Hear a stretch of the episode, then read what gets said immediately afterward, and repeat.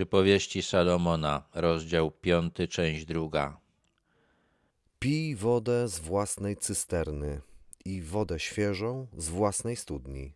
Dziś cysterna kojarzy się nam ze stalowym zbiornikiem, ale w czasach Salomona był to zbiornik wykopany w ziemi, gdzie zbierano wodę deszczową. Trzeba było wiedzieć, kiedy woda w cysternie nadaje się jeszcze do picia, a kiedy już tylko do podlewania roślin. Trzeba było wiedzieć, jak naczerpać wody z cysterny, żeby jej nie zmącić, żeby nadawała się do zaspokojenia pragnienia. Najlepiej wiedział o tym właściciel cysterny, bo najlepiej ją znał.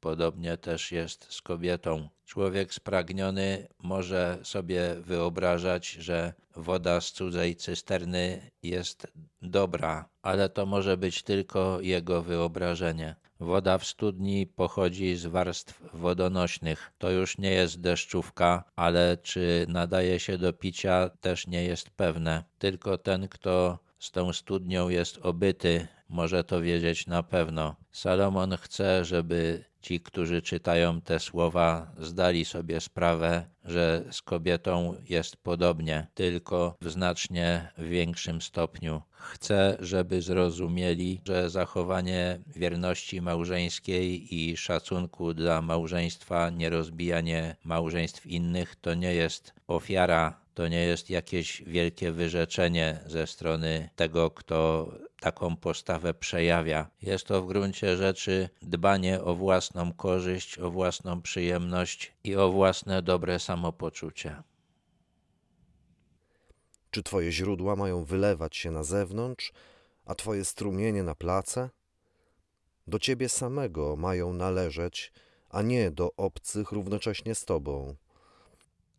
Te słowa są skierowane głównie do mężczyzn. Te źródła to potomkowie. Jeżeli potomstwo będzie nieślubne, to nie będzie należeć do ojca. Będzie należało równocześnie do niego, bo będzie ojcem biologicznym, ale będzie też należało do ojca prawnego. Salomon chce, żeby ten, kto czyta te słowa, zastanowił się, czy naprawdę tego chce.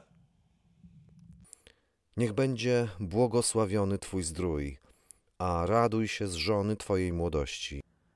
Małżeństwo jest najlepszym rozwiązaniem. Dziecko ma ojca, który jest ojcem biologicznym i jednocześnie ojcem prawnym, i to daje największe szanse na to, że będzie błogosławione, czyli szczęśliwe. Mężczyzna powinien się radować swoją żoną. Jest ona tutaj nazwana żoną Twojej młodości, co nie oznacza, że tylko w młodości ma się nią radować, ale w młodości mają wybrać.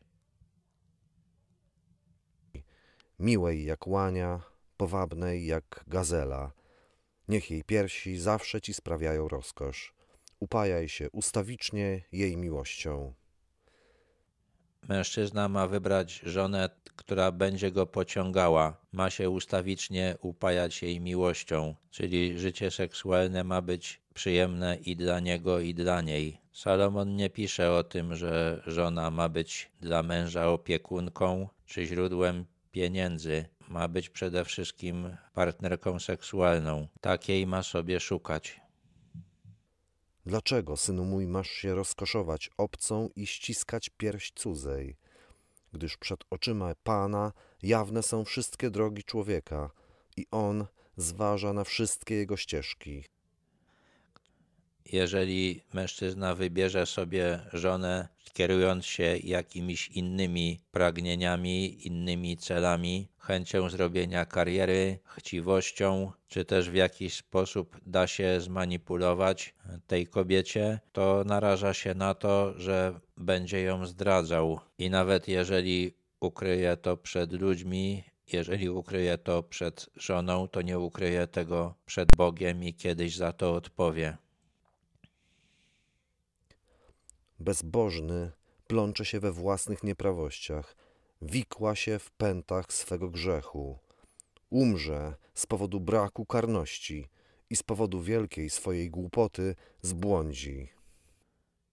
Człowiek bezbożny to taki, który uważa, że wszystko wie lepiej od Boga. Więc także wie lepiej, jak powinno wyglądać małżeństwo, jak powinno się dobierać żonę i czego od niej można oczekiwać. Taki człowiek zaplącze się we własnych nieprawościach, robiąc wszystko po swojemu, nie będzie miał powodzenia i jego małżeństwo też będzie porażką. Salomon pisze tutaj o braku karności, czyli posłuszeństwa, czyli ten człowiek będzie wiedział, jaki jest Boży plan dla małżeństwa, ale odrzuci go, nie podporządkuje się Bożym nakazom. Salomon zapowiada, że może umrzeć. To nieszczęśliwe małżeństwo może go wpędzić do grobu, ale swój los będzie zawdzięczał tylko swojej głupocie.